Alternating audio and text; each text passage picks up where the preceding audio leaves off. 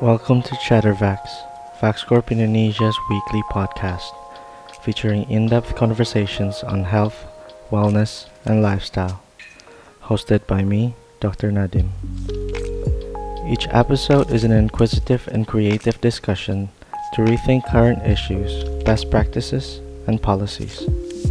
Stick around on Chattervax as we make health interesting and easy to digest. Because life is complicated enough. All right, welcome back to the second episode of Chattervax with your host, saya uh, Dr. Ahmad Nadim. Sebelumnya gue mau ucapin terima kasih banyak buat yang sudah mendengarkan pilot episode atau episode pertama kita. Um, dengan tentunya uh, gue lihat uh, statistiknya retensi yang mendengarkan sampai akhir lebih dari 75% damn. I was amazed. And happy jadi uh, untuk episode kedua ini gue berharap bisa ngebawain um, topik lain yang hopefully tidak kalah menarik yaitu Indonesia termasuk um, negara yang sedang dalam proses transisi menerapkan protokol new normalnya WHO. Meskipun kita tidak termasuk uh, negara yang kurva epidemiologinya sudah menurun atau sudah menunjukkan bahwa new normal itu adalah kondisi di mana kita memasuki suatu reality atau normality baru di mana ya udah kita udah bisa hidup dengan uh, fakta bahwa ada si penyakit namanya COVID-19 ini di antara kita dan tapi kita sudah bisa untuk berkegiatan secara normal dengan prevalensi atau angka kejadian kasus yang ya udah biasa aja. For me personally, this looks like um, this looks more like new normalizing, bukan new normal. Nah, um, pada new normal, new normal ini ya strategi yang uh, diterapkan itu herd immunity. Gua melihat masih banyak masih banyak misconception tentang apa itu herd immunity di berbagai sosmed. Jadi gue pengen ngangkat topik ini dan uh, baliklah to the basic concepts of what herd immunity is before we actually implement it and discuss upon its effectivity for implementation di Indonesia di mana kalau nggak salah 6, 6 kemarin 6 Juni kemarin temuan angka kasus per harinya aja masih 900 lebih. In other hand it means that we are testing which is good.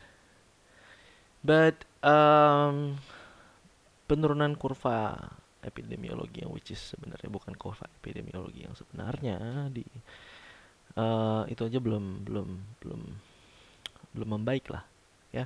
Jadi kita balik lagi ke basic uh, ke konsep dasar. Sebelum kita bahas herd immunity. Jadi pada manusia um, imunitas terhadap suatu patogen itu bisa kita bagi uh, dua lah ya uh, innate immunity atau imunitas bawaan yaitu uh, imunitas yang tidak spesifik.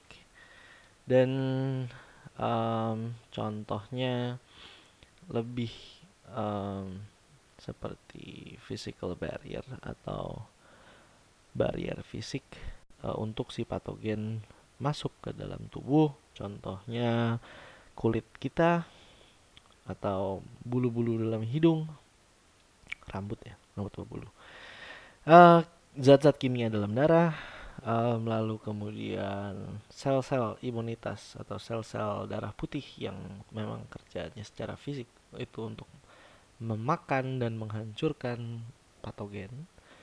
Nah, ini berbeda dengan adaptive immunity di mana adaptive immunity adalah suatu defense yang spesifik. Pathogen specific atau antigen specific immune response di mana adaptive immunity ini sesuai dari namanya yaitu kita harus beradaptasi terhadap uh, suatu serangan dari luar atau satu patogen. Uh, dan yang berarti adaptive immunity ini bisa didapatkan dengan dua cara yaitu terpapar oleh si antigen lalu kemudian sembuh dan kemudian si patogen tersebut itu disimpan dalam database atau memory cell kita untuk bisa di kemudian hari mengenali, mendeteksi dan merespon suatu serangan patogen di kemudian hari ya in the future. Um, ya atau yang kedua didapatkan secara uh, imunisasi dengan sebuah vaksin. Um, nah, untuk kita yang dibicarakan saat ini adalah acquired immunity tanpa adanya sebuah vaksin.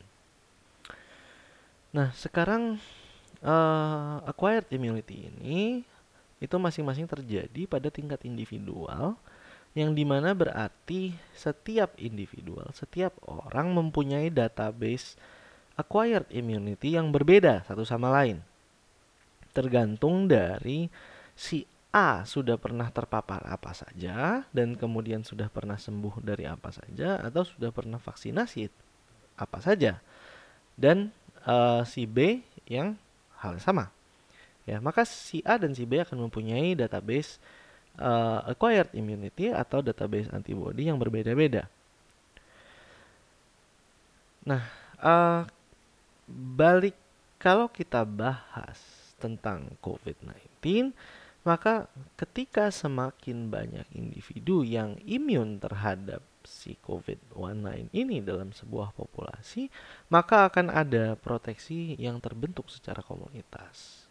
Ya, um, bayangin kalau misalnya imunitas kelompok ini, imunitas perorangan ini um, menjadi memberikan sebuah proteksi indirect, proteksi secara tidak langsung terhadap mereka-mereka yang um, lebih rentan dan uh, tidak bisa tidak bisa sakit dulu karena resiko mereka kalau sakit itu lebih fatal atau um, dengan komplikasi yang uh, resiko komplikasi yang lebih tinggi. Contohnya mereka-mereka yang uh, lebih berusia atau justru bayi atau mereka yang punya penyakit-penyakit bawaan seperti hipertensi, diabetes dan lain sebagainya. Nah, uh, imunitas kelompok inilah yang kita sebut sebagai herd immunity. Bayangin kayak Power Rangers karena mereka masing-masing sudah kuat ya uh, tapi begitu mereka membutuhkan suatu proteksi atau mereka membutuhkan suatu uh, immune system yang lebih tinggi mereka bergabung menjadi sebuah megazord. Uh, kurang lebih analogi herd immunity seperti itu ya. Untuk uh, kita melindungi satu dua orang yang uh, tidak bisa atau mempunyai resiko lebih tinggi untuk kematian atau komplikasi karena suatu penyakit maka um, komunitasnya lah yang harus melindungi dia. Nah um, contoh dari ini herd immunity kalau kita bawa ke skala kecil yaitu sebuah rumah tangga misal seorang bayi yang belum bisa menerima vaksinasi dasar lengkap maka proteksinya dia didapat uh, dari orang tuanya, baik dari yang secara langsung itu dari ibu semenjak dijanin ataupun melalui air susu ibu selama uh, durasi penyapihannya atau pemberian ASI dan uh, proteksi yang indirect yaitu dari anggota keluarganya dan uh, ya penghuni rumah termasuk caretakernya. kalau misalnya orang tuanya sendiri itu tidak imun dan justru menjadi sumber penularan, maka risiko bayi sakit akan menjadi semakin, tinggi. Yang nularin ya orang rumahnya sendiri. Ini sering sering banget kejadian di mana bayi sakit yang sebenarnya penularannya nggak lain adalah orang tuanya sendiri, ya atau tetangganya atau siapa pun ya. Ketika bayi baru lahir syukuran banyak yang pegang-pegang ya habis batuk-batuk habis itu pegang-pegang anak ya those kind of things happen.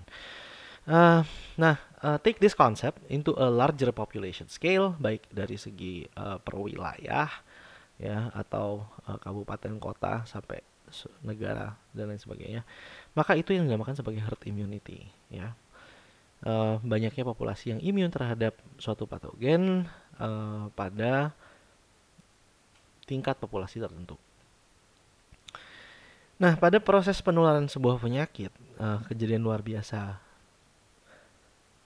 open parenthesis KLB, um, epidemi ataupun pandemi, kalau kita asumsikan bahwa semua orang di populasi tersebut rentan atau susceptible, maka penularan akan terjadi secara bebas dong dan tidak ada terkontrol uh, ketika seorang yang rentan terpapar dengan seorang yang terinfeksi ya yang which is uh, kurang lebih ini adalah situasi di awal pandemi COVID-19 ini. Nah, uh, tapi mak maka se seiring berjalannya uh, pandemi ini, apabila se um, a fraction of the population has immunity to that same pathogen, maka uh, likelihood terjadinya kontak efektif oleh orang yang sudah terinfeksi dan orang yang rentan akan semakin berkurang. Karena banyaknya host yang imun, maka si patogen akan gagal berkembang dan menular. Karena perlu diingat bahwa e, ibaratnya kayak begini. Kalau misalnya ada e, patogen adalah sebuah e, peluru yang mereka mau e, kenain orang tapi kemudian mental karena tidak bisa tidak penetrable ya. Maka dia akan uh, bouncing back dari satu host ke host yang lain dan tidak menemukan host yang bisa diinfeksi oleh si patogen tersebut. Maka ini akan melimit membatasi perkembangan atau per uh, penularan si patogen tersebut nah semakin banyaknya uh, individu yang imun yang mempunyai uh, imunitas terhadap uh, patogen si virus COVID-19 ini dan semakin sedikitnya populasi yang rentan, maka penyebarannya akan uh, limited. That means the pandemic, the the outbreak itu sudah terkontrol. Karena uh, dan kita bisa lihat prevalensi si penyakitnya akan semakin menurun. Nah, sekarang Uh, setelah kita tahu apa itu dasarnya uh, sebuah herd immunity, pertanyaannya tentunya akan, oke okay, kita mau menerapkan herd immunity, berapa orang yang harus imun dulu sebelum kita bisa bilang bahwa herd immunity ini mulai efektif.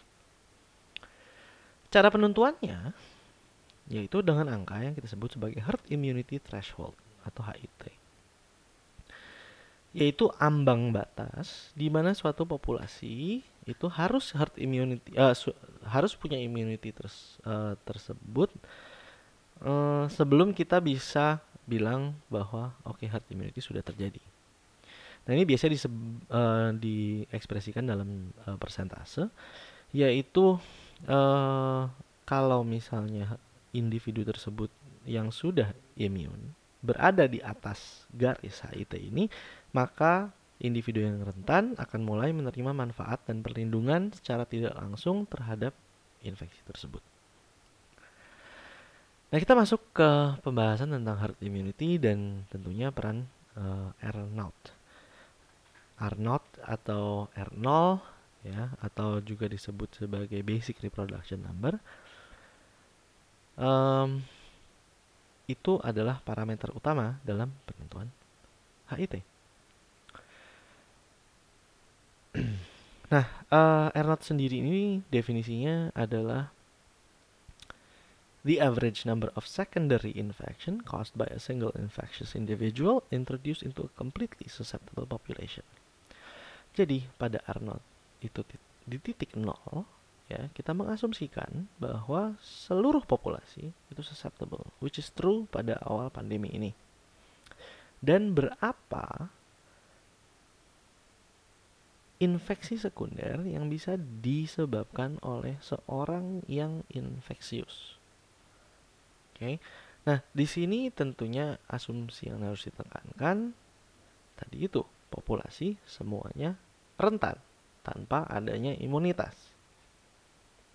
Dan parameternya terbatas pada patogen yang sedang dikaji, which is COVID-19.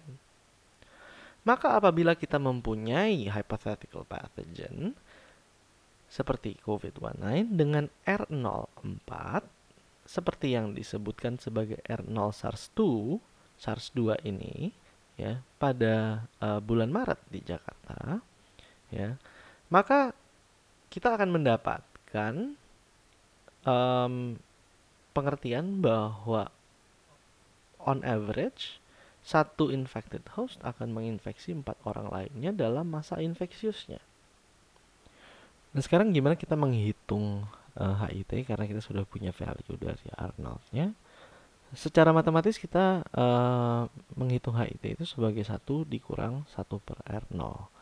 Maka kalau R0-nya sama dengan 4, maka kita dapat HIT-nya menjadi 0,75. Yang artinya 75% penduduk di Jakarta harus mempunyai imunitas terhadap patogen tersebut sebelum kita ngebahas bahwa herd immunity ini bisa menjadi strategi. Oke. Okay? Karena in reality berarti kita harus uh, 75% penduduk itu harus mempunyai immune system dari COVID-19 yang berarti mereka uh, with the absence of vaccines mereka harus terpapar dan sakit dulu ya dan kemudian membentuk antibody uh, sebelum kita bisa mulai ngebahas herd immunity ini. Nah dari sini kita bisa lihat bahwa kalau suatu patogen mempunyai R0 yang semakin tinggi, maka artinya bahwa patogen tersebut akan uh, semakin mudah menular. Dan oleh karena itu dibutuhkan proporsi kekebalan populasi yang jauh lebih tinggi untuk bisa secara efektif menangkal penularan ya dong kalau uh, suatu patogen itu semakin mudah menular berarti HIT-nya thresholdnya imunit uh, threshold dari herd immunity itu harus semakin tinggi juga dong nah um, itu kita bahas tentang R0 yang sebenarnya hanya efektif pada awal uh, suatu pandemi. Nah, what happens kalau misalnya pada saat ini itu um, kita sudah berada di what is this three months after uh, the start of pandemi di Indonesia. Uh, three months after the start of COVID-19 di Indonesia. Uh, R0 itu sebenarnya sudah tidak lagi harusnya dipakai. Karena uh, ada parameter lain yaitu RE atau effective reproductive uh, number uh, dan RT reproductive number yang time varying yang mempunyai aspek temporal atau aspek waktu. Nah, e, perbedaannya yaitu kalau di R not itu dia mengasumsikan bahwa e, sebuah populasi itu 100% rentan, effective reproduction number atau RE itu tidak mengasumsikan tersebut. Um, seperti saat ini sudah banyak yang terinfeksi, sudah banyak yang sembuh dari infeksi tersebut yang ya kita asumsikan kalau dia sembuh dia mempunyai imunitas. Kita belum tahu durasi dan kekuatan dari imunitas yang terbentuk. Only time will answer that. Nah um, maka pada saat ini kita bisa berasumsi bahwa populasi di Jakarta kita bahas Jakarta aja ya uh, sudah partially immune terhadap patogen si COVID-19. Nah, oleh karena itu uh, sebuah angka effective reproduction number punya tujuan untuk mengkarakterize perkembangan epidemi atau pandemi dalam skenario yang lebih realistis. Secara intuitif, kita menghitung uh, cabang infeksi pada pohon transmisi. Contohnya si A menginfeksi si B, si B menginfeksi siapa aja dan lain sebagainya. Pohon transmisi tersebut, pohon penularan tersebut itu metode yang secara straightforward kita gunakan untuk menghitung nilai RE tersebut. Nah, tapi realitanya menghitung hal ini tidak praktikal untuk dilakukan di sebagian besar keadaan epidemi. Kecuali untuk misalnya wabah-wabah terbatas yang yang in a controlled scenario di mana contact tracing bisa dilakukan um, secara efektif. Ya. Uh, baik secara contact tracing secara retrospektif atau prospektif. Bedanya di mana? Yang sepemahaman gue yang saat ini kita lakukan oh testing testing and tracing segala macam adalah ketika mendapatkan suatu pasien yang PDP maka yang dilakukan contact tracing adalah um, secara prospektif. Si pasien ini sudah menginfeksi siapa saja sebelum dia datang ke fasilitas kesehatan. Sepemikiran gue, yang seharusnya dilakukan adalah ini orang dapetnya dari mana?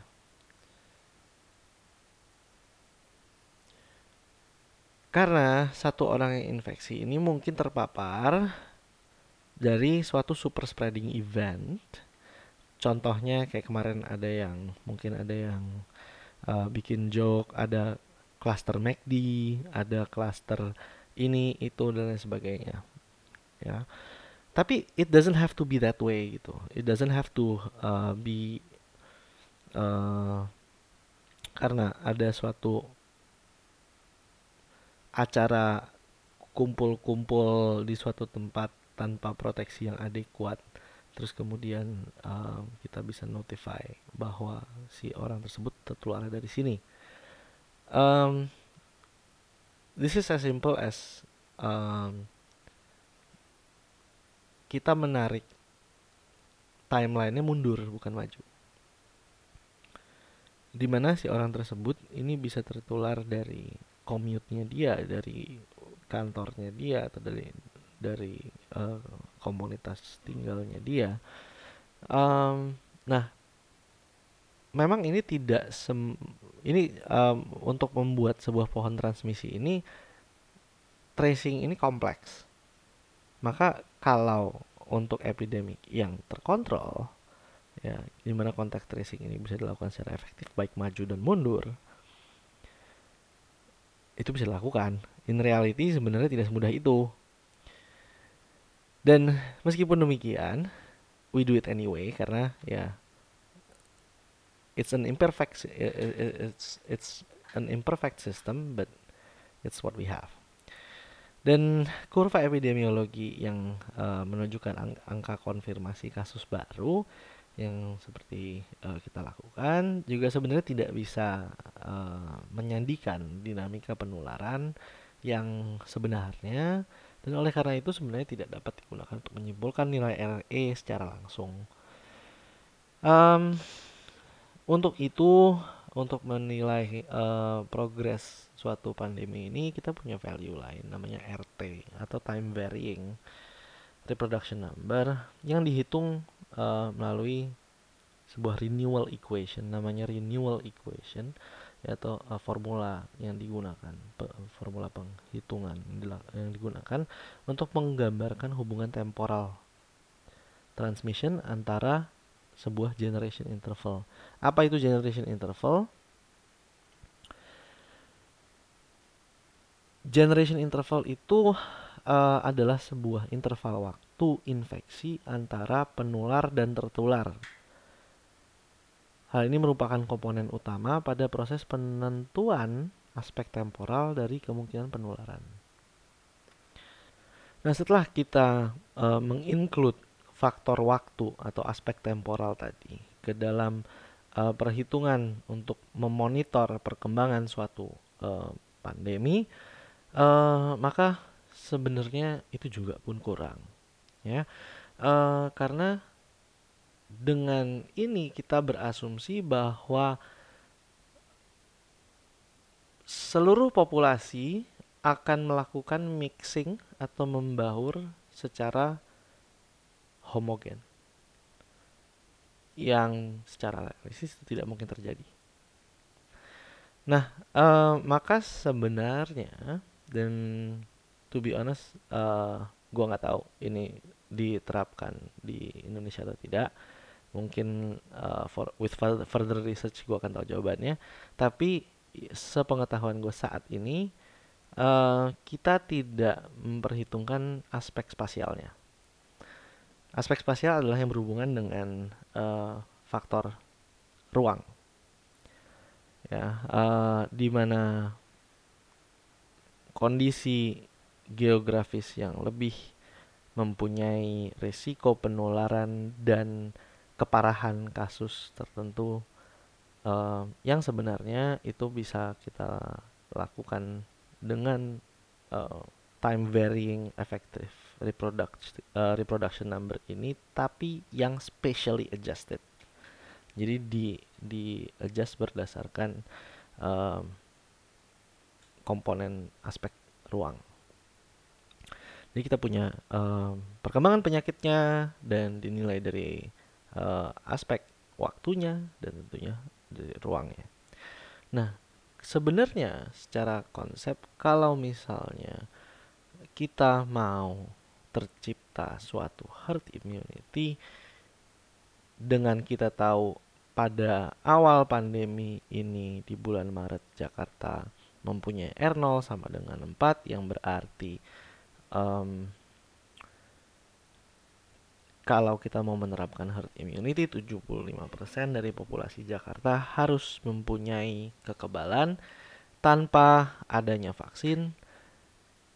Maka untuk memasuki new normal ini orang boleh mulai bekerja, mulai berkegiatan dan lain sebagainya. Tapi menerapkan protokol kesehatan yaitu misal kayak uh, di restoran sudah mulai bisa dine in tapi kemudian dibatasi jaraknya ada ada ya komponen ruang tadi di physical distancing dan lain sebagainya.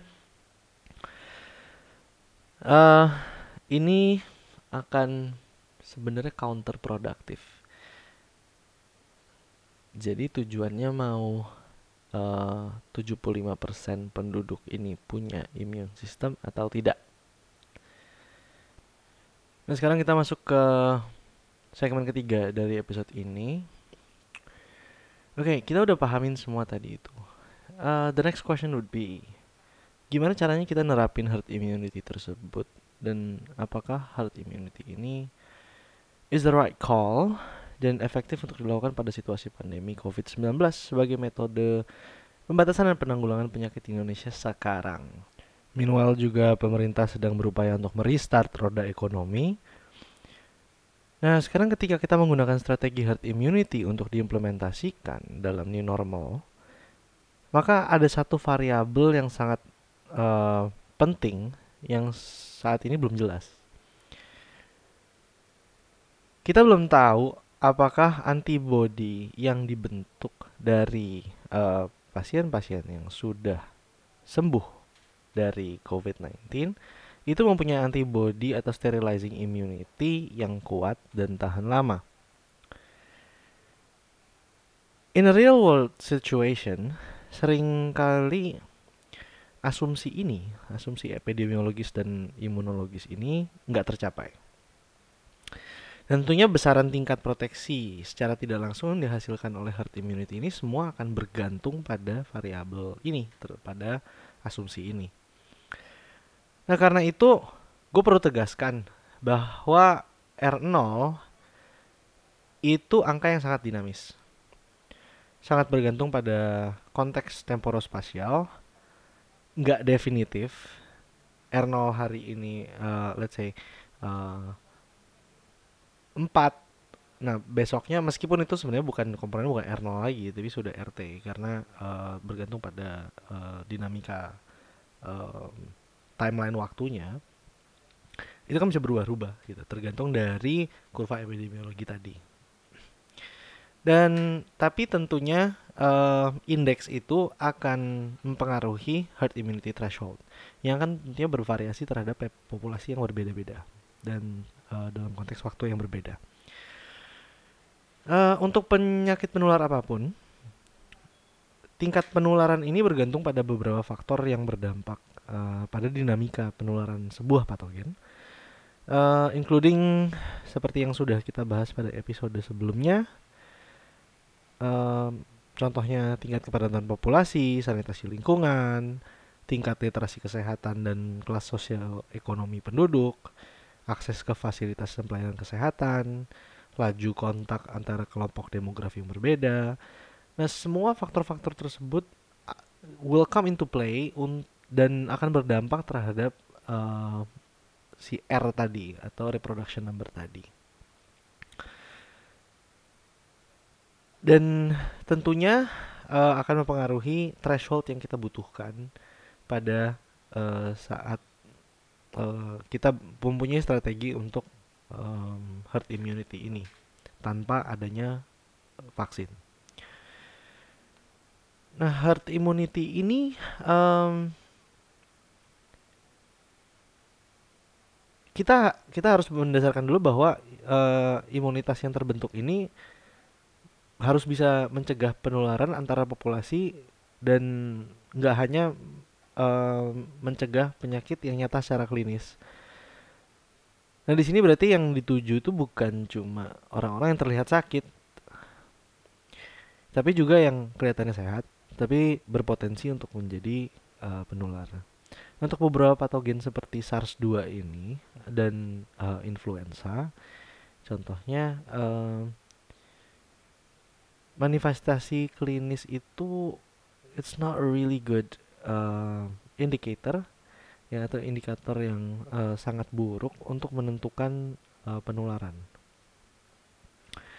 Karena justru banyakkan orang yang terlihat uh, sehat atau uh, asimptomatik yang sebenarnya mereka super spreader.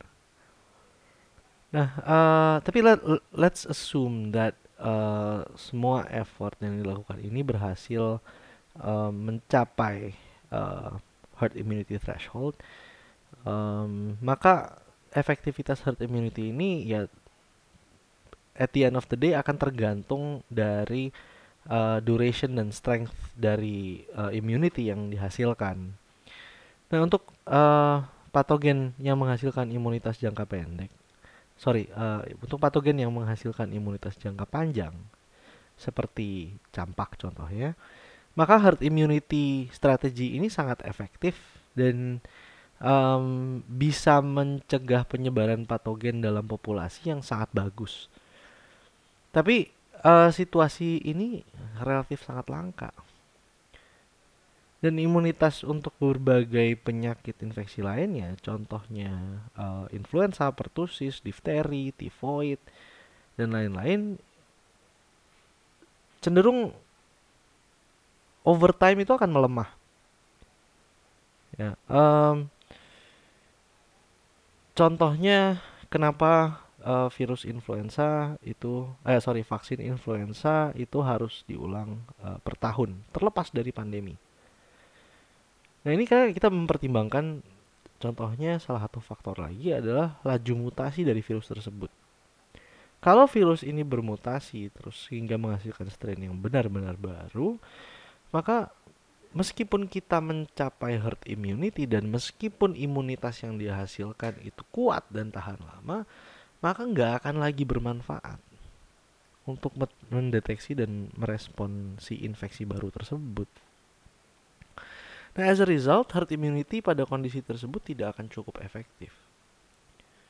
Dan ya, tetap akan bisa mencetuskan KLB baru yang uh, ya tergantung dari strain baru tersebut itu magnitude-nya atau uh, apa namanya uh, tingkat bahaya dari suatu outbreak itu akan seberapa besar. Apabila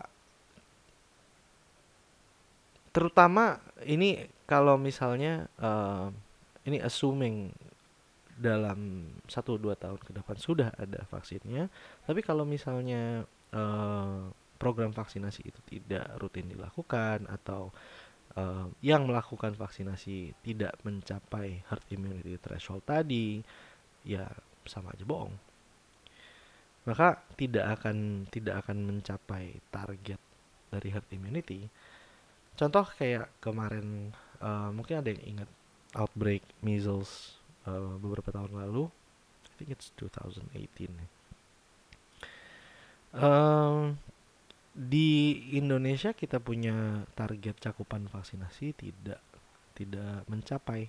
Meskipun durasi dari program sudah di extend beberapa bulan uh, terakhir itu dari target di atas 90% kita nggak mencapai. Akhirnya target diturunin. Nah ya ini tergantung lagi balik lagi tergantung um, si herd immunity threshold ini sebenarnya berapa untuk penyakit apa it's different for for for every disease dan untuk untuk uh, SARS-CoV-2 ini atau COVID-19 uh,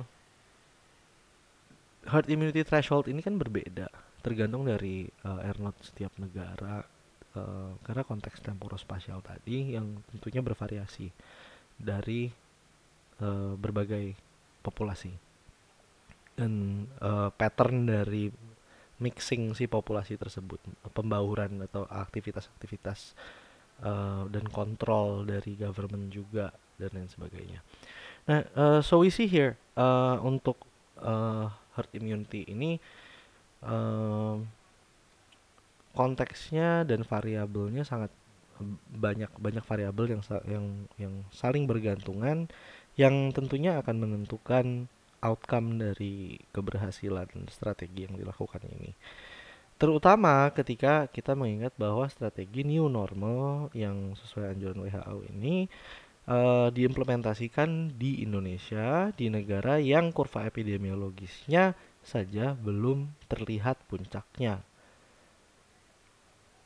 Alih-alih kita uh, bicara new normal dalam kondisi kurvanya sudah turun atau sudah uh, trennya sudah ya it's higher than than the previous tapi sudah stabil. So, uh, pertanyaannya balik lagi, is it the right strategy? Is it the right time? Dan uh, tentunya kalau misalnya this is not the right time dan penyebaran populasi uh, penyebaran COVID-19 dalam populasi masih tinggi, di mana seperti kemarin uh, 6 6 uh, 6 Juni ini baru saja ke, uh, jumlah terdeteksi positif baru lebih dari 900 so it comes to the point akankah strategi new normal ini menjadi sesuatu yang uh, bisa backfire ke populasi kita? Atau uh, akan efektif untuk um, sebagai strategi penanggulangan penyakit dan um, mengaktifkan kembali kehidupan kita di new normal ini. Dan instead of semua ini menjadi sekedar ya udah kita normalizing sesuatu yang benar-benar nggak normal tapi we don't have any other options. Kalau tidak di restart semua bisa jatuh dalam economical depression dan lain sebagainya tentunya banyak pertimbangan-pertimbangan yang dinamis dan uh, tentunya sangat kompleks. So if you have uh, any comments atau uh, ingin berdiskusi lainnya kalau misalnya untuk pendengar-pendengar yang di YouTube feel free to uh, comment in the comment sections Uh, untuk yang mendengarkan di Spotify, you can share it to uh, your social media and uh, tag us di at VaxCorp. Um, and let us know what your what your thoughts are about all this. So see you guys in the next episode. we'll be uploading every weekend so we can enjoy a nice and fruitful discussion on our holidays. Buat kalian yang sudah mulai bekerja, tetap stay safe. Good luck. Do not normalize the abnormal. Cheerio.